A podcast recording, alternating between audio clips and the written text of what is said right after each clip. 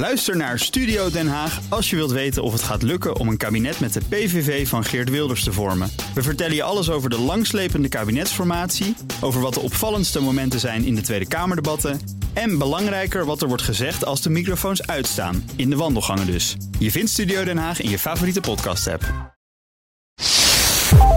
En we hebben nu vooral geleerd toen in, de, in begin juli dat vooral in die locaties dat daar meer superspreaders events geweest waren, dus uitbraken. Hallo, ik ben Kees Dorrestein. En ik ben Diederik Gommers. Ja, bekend IC-arts en OMT-lid. En in deze podcast beantwoordt hij jouw coronavragen. Stuur je vragen naar me op via WhatsApp 06 8370 9229, via de mail gommers.bnr.nl of via Instagram BNR Nieuwsradio. Dan leg ik ze aan hem voor. Vraag het. Gommers. Goed dat je er weer bij bent. We hebben weer een heleboel leuke vragen voor je. Bijvoorbeeld, is er een medicijn tegen long-covid nu gemaakt? Wat daar lijken signalen voor te zijn. En moet je als risicopatiënt alsnog afstand houden en mondkapjes op om jezelf dan toch te beschermen? Maar allereerst, Diederik, hoe gaat het? Ja, goed. Ik heb uh, deze week zaaldienst, dus... Uh, oh jee, ja, je, hebt je witte jas aan. En, ja. uh, en, en, ik mag gewoon patiëntenzorg doen. ik sta deze week op de hart-IC. Dus daar liggen vooral patiënten met een hartaandoening... of dat ze geopereerd zijn door de thoraxchirurgen.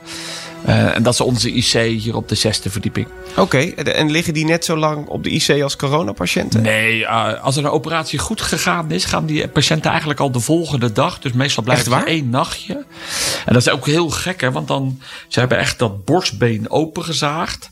Oh nee, ik vind het nu al en naar. Dan, en dan denk je van, nou dat moet toch heel pijnlijk zijn. En dan met een beetje morfine of soms alleen paracetamol gaat dat eigenlijk hartstikke goed. Echt waar? Dus als de operateur, uh, dus de chirurg, goed geopereerd heeft en het is allemaal goed gegaan, ja, gaat dat heel snel. Echt waar? Ja. Joh, wat zijn mensen toch bijzondere wezens? Ja, want als je dat denkt, dan denk ik, nou, lijkt me vreselijk. En dit is, ik, ik hou echt, ik, eigenlijk is het heel gek dat ik deze podcast maak, want ik kan niet zo goed tegen operatieverhalen.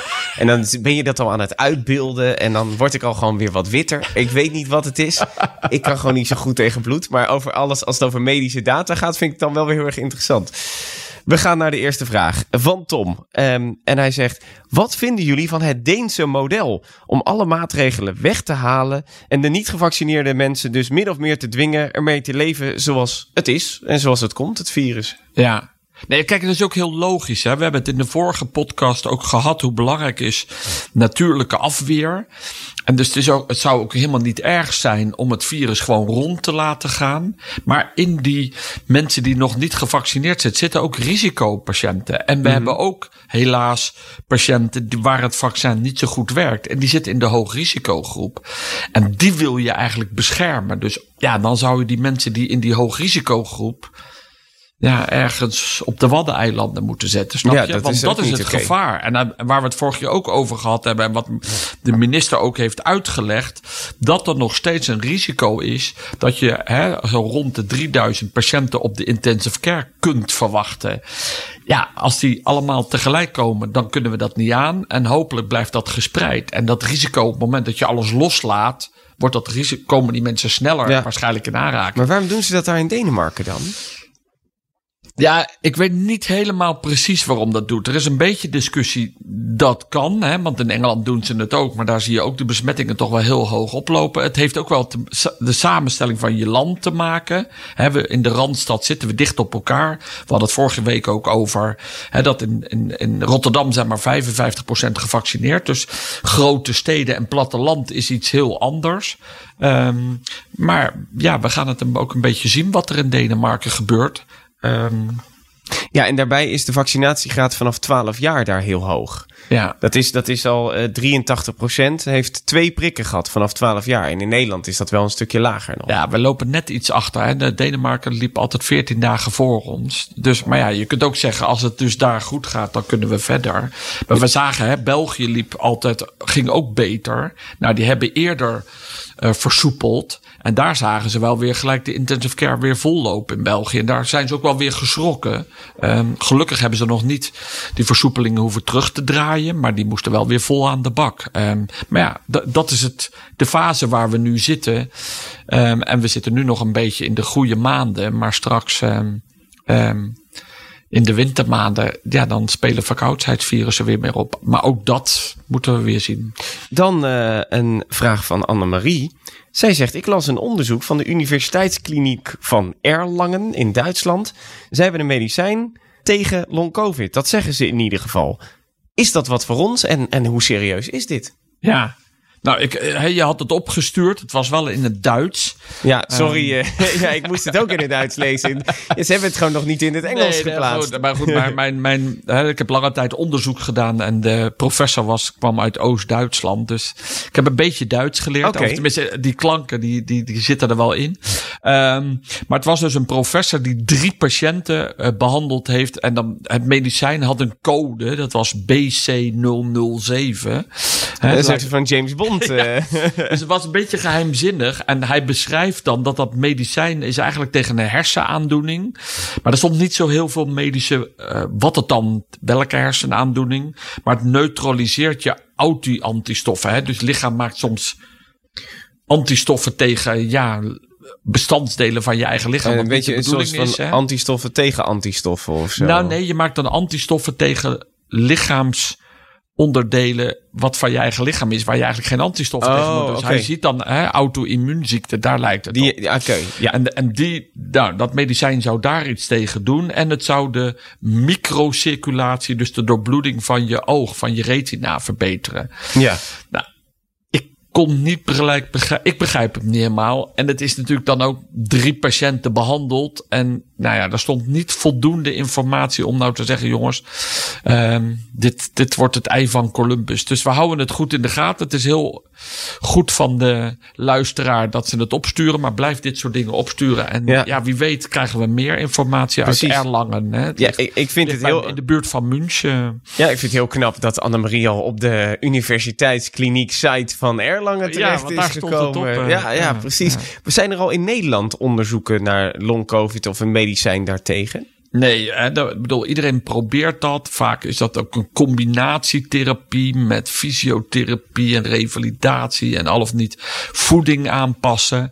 Er zijn heel veel programma's, maar er is nog niet het ei van Columbus te zeggen, jongens, als je long COVID hebt, moet je deze mix. Want dat zal Nee. waarschijnlijk toch wel ook wel weer anders zijn tussen verschillende mensen.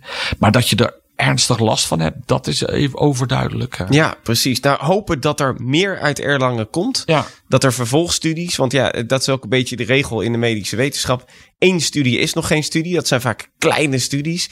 Dan moet je hem dan wat uit gaan bouwen. Werkt het ook bij meer mensen in een Ja, en het belangrijkste wordt dan straks, hè, dus als dit nou verder gaat en hij heeft dadelijk 100 mensen geholpen, dan moet je uiteindelijk straks ook een placebo, hè, dus een, Ja.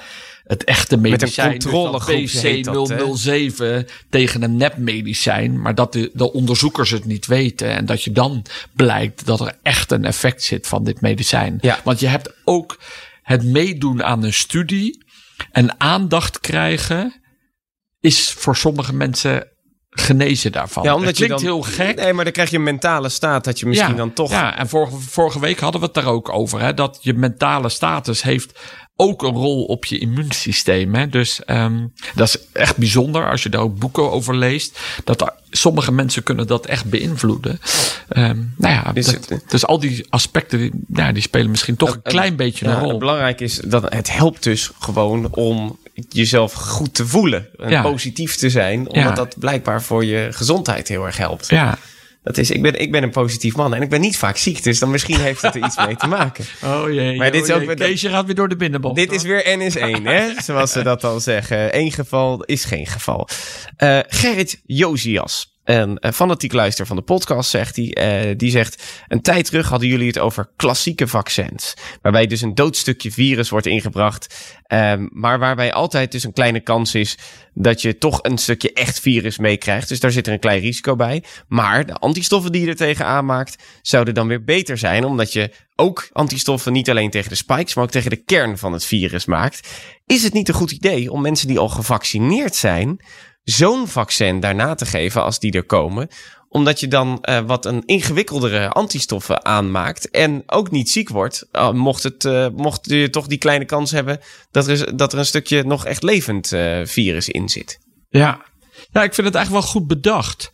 Want dat is ook wat we uitleggen. Hè? Een paar kleine foutjes. Maar hij heeft wel gelijk dat als je een, hè, een, het hele virus geeft, maar het is chemisch geïnactiveerd. Hè? Mm dan kan je, maak je ook antistoffen tegen andere delen van dat virus. Ja.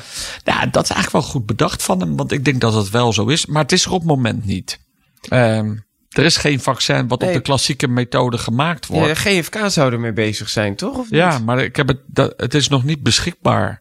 Oh, ja, dus ja, wie weet. En daarom is het ook altijd goed hè, dat we vaccins op verschillende manieren maken. Mhm. Want dan zou je dit soort dingen wel kunnen doen. Dan zou je dus combinaties kunnen doen. Ja, want, we weten al dat dat, dat is ook heel de discussies nu over die boostervaccinatie. Hè, die mhm. al of niet derde prik. Maar daar wordt natuurlijk ook gevraagd: moet je dan hetzelfde vaccin nemen? Of moet je juist een ander vaccin nemen? Omdat je lichaam, je afweer, dan misschien net weer een beetje je antistoffen aanpast omdat het net een klein beetje andere soort eiwit is. Nou, en dat is ook wat hier gesuggereerd wordt. Dus theoretisch heeft hij absoluut gelijk. Um, we hebben het vaccin niet. Maar als het er straks is, wie weet. Nou, Gerrit Josias, dankjewel uh, uh, voor deze leuke theorie dan. Ja. Um, Sanne, die zegt, ik ben risicopatiënt. Is het dan aan te raden om eigenlijk alsnog een mondkapje te dragen en afstand te houden? Ik ben wel gevaccineerd, maar ik heb wel ongevaccineerde vrienden. Ja, ja ik, ze heeft goed over nagedacht en is echt belangrijk. Wat we dus eh, vorige week ook, ook over hadden we willen graag 100%, maar je krijgt geen 100%. Dus je loopt altijd een risico. Ja, en eigenlijk moet je daar wel rekening mee houden. En zeker als je met mensen contact hebt die niet gevaccineerd zijn. Ja, die hebben toch weer iets meer risico. Uh, of duidelijk meer risico dat ze al of niet dat uh, virus bij zich dragen. Dus ja, zeker als je mensen niet kent en je moet het openbaar vervoer in of je moet gaan winkelen. Ja, ik zou toch gewoon dat mondkapje opdoen. Liefst een medische dan. Uh, en goed je handen wassen. En die maatregelen die jij kunt nemen. Het hoeft niet. Maar je vermindert wel het risico. En we hebben het continu over risicobeheersing. Ja, uiteindelijk dus het risico is kleiner. En het is nou wel eenmaal zo. Ja, er zijn gewoon een aantal risicopatiënten in Nederland. Ja. Uh, als die, uh, die, die pech hebben dat ze die 3% kans hebben dat ze ernstig ziek worden als ze gevaccineerd zijn uh, ja, dan, dan is het natuurlijk niet leuk en dan kan het heel naar uitpakken zelfs. Dus dat is. Ja. Dus dat, hoe erg het ook is, ja, voor die mensen dat, ja, moet je altijd wat voorzichtiger zijn. Nou ja, ja. kijk, en, en bedoel, ehm, en ik wil helemaal geen angst aan praten, maar er zijn ook gewoon mensen die komen te overlijden door het COVID. we hadden hier in onze afdeling nu uh, vorige week iemand in de 40, maar die, uh, die kwam te overlijden.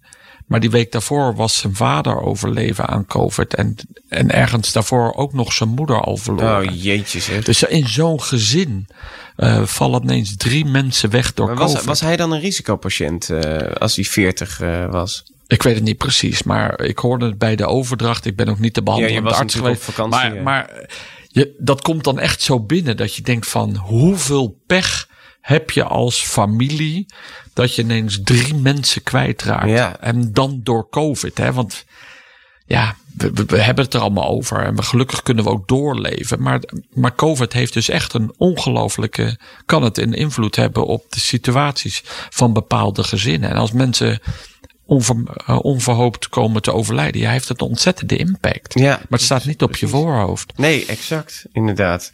Um, ja, iets heel anders dan Juliette. Die zegt: er gaat een verhaal rond over de combinatie van de griepprik en het coronavaccin. De, de immuniteit zou aangepast zijn door het coronavaccin, dus waardoor de griepprik dus niet goed zou werken. De immuniteit zou aangepast zijn door het vaccin. Um, en daardoor zou het mogelijk zijn of zelfs uh, dodelijke afloop kunnen hebben als je de griepprik krijgt. Wat is hiervan waar? Als je het googelt, zie je hierover ook een onderzoek van diverse ziekenhuizen in Nederland en het Erasmus. En ik vraag me af, is het dan een broodje aap of is het echt? Ik heb nog niet gehoord dat we hier ons zorgen moeten maken dat mensen dood gaan neervallen. Dus, um, maar het is ook wel een hele. Um, er is wel zoiets als afweer, vaccins en die, die kruisreacties tussen die verschillende. Dus het is niet. Het is een heel complex iets, maar het is wel een broodje aap dat er allerlei doden gaan vallen als we straks griepvaccins gaan uit, eh, uitdelen. Maar wat belangrijkste is, wat we vorige week ook beschreven, is dat doordat we ons anders gedragen, ehm, bouwen we, hebben we minder contact en bouwen we minder afweer op. Ehm, en, en, dat, en dat zou daarmee in mee kunnen spelen. Dat je een soort kruisreactie hebt met die antistoffen en dergelijke. Dat is een heel moeilijk. eh, Maar dus, dus een, een coronavaccin kan dus een bepaalde invloed hebben op een griepvaccin. Begrijp ik dat goed? nee, Nee. maar je antistoffen. Ja. Oké. en, en daarmee heeft het eh, eh, te maken. Ehm, maar er is op dit moment absoluut nog geen aanwijzing eh, ehm, dat, dat dat speelt. Ja. Oké, maar dat is dus een, een ingewikkeld geval. Dus dat je, de, de, dat je antistoffen voor griep mogelijk een klein beetje aangepast zijn of wat lager zijn. Nee, ik denk dat het meer. Ik denk dat het anders speelt. Ik denk dat we nu zeggen van luister eens door ons gedrag, wat we vorige week ook gezegd hebben, eh, heb je gewoon minder contact gehad door allerlei virussen die om ons heen leven. Want hè, de wereld bestaat uit virussen. En daarmee heb je minder eh, contact gehad en maak je minder antistoffen. En op het moment dat er straks meer een nieuw griepseizoen aankomt, Daardoor kan die heftiger zijn. Daardoor kan die heftiger zijn. En dat Ja. betekent dus ook dat op het moment, want die vaccins worden altijd gemaakt over bepaalde stammen, griep, virussen, dat je daardoor heftiger reageert, omdat je niet al een keer een beetje contact hebt gehad. Ik denk dat het in die hoek te zoeken is. Anders Ah. heb ik de vraag niet zo goed begrepen. Nee, oké. dus dat er inderdaad het griepvaccin misschien ook eh, de griepprik wat minder reageert. Omdat je al gewoon minder antistoffen hebt Nee, tegen, kijk, de, tegen de, de- griep. het vaccin van griep wordt altijd gekeken hoe op het zuidelijk halfrond wat voor stammen daar circuleren. Ja. En daar worden, dat wordt, zo wordt dat vaccin gemaakt. En dat bestaat vaak uit verschillende i- influenza-stammen. Mhm. En die, die mix doen ze in elkaar en dat spuiten ze in voor je vaccin. Ah, En op het moment dat jouw lichaam eigenlijk heel weinig contact heeft gehad met verschillende stammen, kan je misschien heftiger reageren. Want je hebt niet een klein beetje eh, antistoffen al gemaakt, omdat je stiekem in het winterseizoen al contact hebt gehad met griep. ah oké. Vandaar dat het minder kan reageren. Het is een ingewikkeld Ja, best verhaal deze, hè? Ja. Ik hoop dat je het nog begrijpt. Dat is soms gewoon lastig hè, in de medische wereld. Dan heb ik een heel bijzonder verhaal. Andy, hij is 11 jaar, zegt hij. En hij stuurde me een bericht en hij zegt... Ik heb 10 jaar geleden als klein kind... eh, heb ik op de IC gelegen aan de beademing... omdat ik een coronavirus heb gekregen. In het voorjaar kregen mijn ouders en broertje deze variant van corona. Hij heeft dus een andere variant gekregen, tien jaar geleden. En ook kinderen uit mijn klas, maar ik heb het niet gekregen.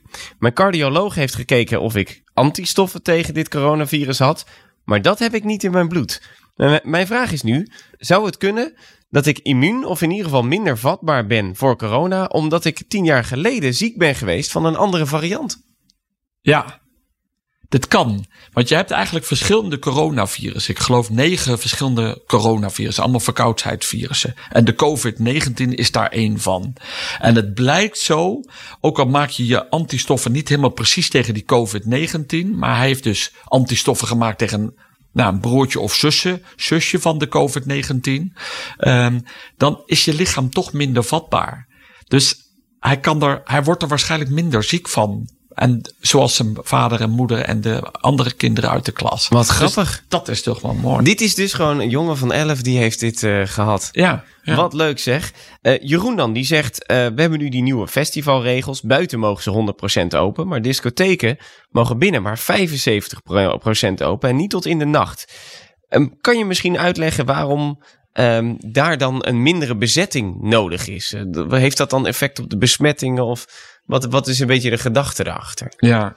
Nou, ook hier weer gaat het over risicobeheersing. En we hebben nu vooral geleerd toen in, de, in begin juli. Dat vooral in die locaties waar mensen in, de binnenlocaties, binnenlocaties dicht op elkaar hadden gezeten. Dat daar meer apparatus events geweest waren. Dus uitbraken. Um, en toen is gezegd, ja, die, die verversing van lucht. Hè, want als je, je kunt je voorstellen, het virus verspreidt zich door kleine druppeltjes. Mhm. Nou, als mensen dansen, zingen, springen, maar in een kleine ruimte waar de lucht te weinig ververst wordt, dat je dan een groter eh, risico hebt. Ja, dan kun je beter zorgen dat er minder mensen in die ruimte zit. En het is dus heel belangrijk dat die luchtbehandeling uh, goed is. Maar dat is een heel moeilijk technisch verhaal wordt het dan. En kunnen Mhm. we eigenlijk heel moeilijk ook controleren of de ene ruimte beter ververst is dan de andere. Ja, daar heb er zijn wel ideeën en experts voor nodig over dat je dan eh, CO2-meters kan doen. Mhm. Maar zover zijn we nog niet. Oké. Dus is deze, voor deze oplossing gekozen. En dit gaat weer dan over risico's. Dus het is iets minder druk. Dus stel, het breekt daaruit, dan worden er misschien ook iets Nou ja, ik bedoel, als, er, als je ruimtes 75% vult, dan heb je met, met de bestaande luchtbehandelingen heb je misschien minder risico dat je daar een uitbraak krijgt. En we hebben gezien dat als je in de buitenlucht is de uitbraakrisico sowieso kleiner. Hè, dat, Mhm. Tot nu toe Ja, eh, zien we van de Formule 1 race die ook buiten was. houden ja ook geen daar, signalen precies. Hebben we daar niet eh, nog een... eh, Nee, dus, dus, goede je, dus gaat het over risicobeheersing. Oké. Nog een laatste vraag voor deze aflevering. Jacinta en Annemiek die zeggen... Ja, jullie hadden het in de vorige podcast over die zelftest. En toen zei Diederik, als die positief is... kan je ervan uitgaan, je hebt corona. En nu hebben zij beide in een eh, verschillende vorm... eh, Jacinta dan haar zoon... die heeft twee positieve sneltests gedaan... is naar de GGD gegaan... en bleek toen uiteindelijk geen corona te hebben. En ze vragen zich nu... kan die sneltest ook op iets anders reageren, waardoor die denkt dat je positief bent, maar je bent het niet. Ja. ja, dit zijn van weer van die gevallen eigenlijk. Hè, ehm, eigenlijk kan dit niet wat ze zeggen. Want in de meeste gevallen is het echt zo dat als je sneltest positief is, dan is de PCR-test. Ja, maar Annemiek heeft zelfs drie foto's nooit- meegestuurd. Ja, nee, maar het is nooit 100%. En dan, ehm, nou ja, ook hier is het weer nooit 100%. En dan is het weer. Maar ik, ik kan het niet zo goed verklaren, snap je? Want dan is de eerste reactie altijd: maar is de sneltest goed uitgevoerd? Maar je, ja, je krijgt niet zomaar een positieve sneltest. Nee, en, Vaak en- is hij dan negatief omdat je het niet goed doet, maar Precies. niet positief. Nee, daarom. Maar dan denk ik, kan die niet per ongeluk dat je de griep hebt en dat hij daar dan op reageert? Ja, je zou het zeggen van niet, want hij is gebouwd op dat hij dingetjes uit coronavirus Ja, moet hij, hij, hij is heel specifiek gemaakt voor die, eh, hè, of dat spike-eiwit of dat N-eiwit wat op, de, op die RNA-keten zit. Ja, die zijn echt specifiek. En ik weet ook niet precies welke sneltest. Maar je zou bijna zeggen, ja, je zou het merk willen nemen. Maar ja, en dan moeten we het verzamelen. Dus ik zou zeggen, meld het bij de, ja, bij wie? Weet ik eigenlijk Het ook niet. RIVM denk ik dan. Ja, Die, die, die gaat er ja, dan je? Ja, Dat- GVD want, kan want eigenlijk, ik bedoel, ja, dit is wel belangrijke informatie. Ja, ik, ik zou zeggen... ehm, eh, voor, Maar ook wel voor- weer goed hè, dat je dan toch die PCR-test doet. Nou ja, dat je toch even... Dat, Ja. Want die is veel specifieker. veel specifiek. Kijk, er wordt nog wel eens gezegd, ja, zo'n PCR-test kan ook een vals negatief geven. Maar dit, dit is wel, dat zijn wel hele specifieke testen die echt op, Ja. op hele kleine aantallen al Ja. kunnen meten wat Ja, dat betreft. Maar goed, en dat is natuurlijk het geval. Hè. Ik bedoel, we hebben het over dat, die, dat het voor de meeste gevallen. Maar ja, het is af en toe ook mogelijk. Maar omdat dit verhaal van die mevrouw zo overduidelijk is. dat ze het in hun omgeving twee keer meemaken. Hè, dus ja, komt Ja. het misschien dus best wel veel voor. Ja, Jacinta en Annemiek, eh, bij deze. Kijk, we Ja. hebben daar geen perfect antwoord op. Dat is ook lastig in de medische wereld om eh, alles zwart-wit eh, te hebben wat dat betreft. Maar meld het even bij de fabrikant. Of eh, stuur even een mailtje naar het RIVM. Hopelijk eh, kunnen zij je dan verder helpen eh, met, door die informatie te verzamelen. Ehm, heb je zelf een vraag? Nou, dan kan je hem natuurlijk naar het nummer sturen dat je aan het begin van de aflevering hebt gehoord. Je kan ook mailen, gommers.bnr.nl. En vergeet vooral niet te abonneren, zou ik zeggen. Eh Diederik, wij, spreken elkaar volgende week weer. Hè? Succes met de zaaldienst nog vandaag. Oké, ga snel weer terug. Hoi hoi.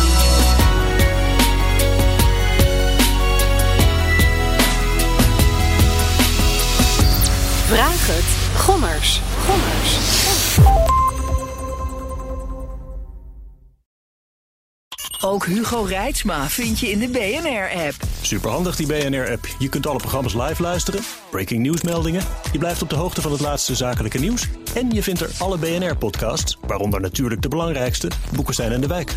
Download nu de gratis BNR-app en blijf scherp.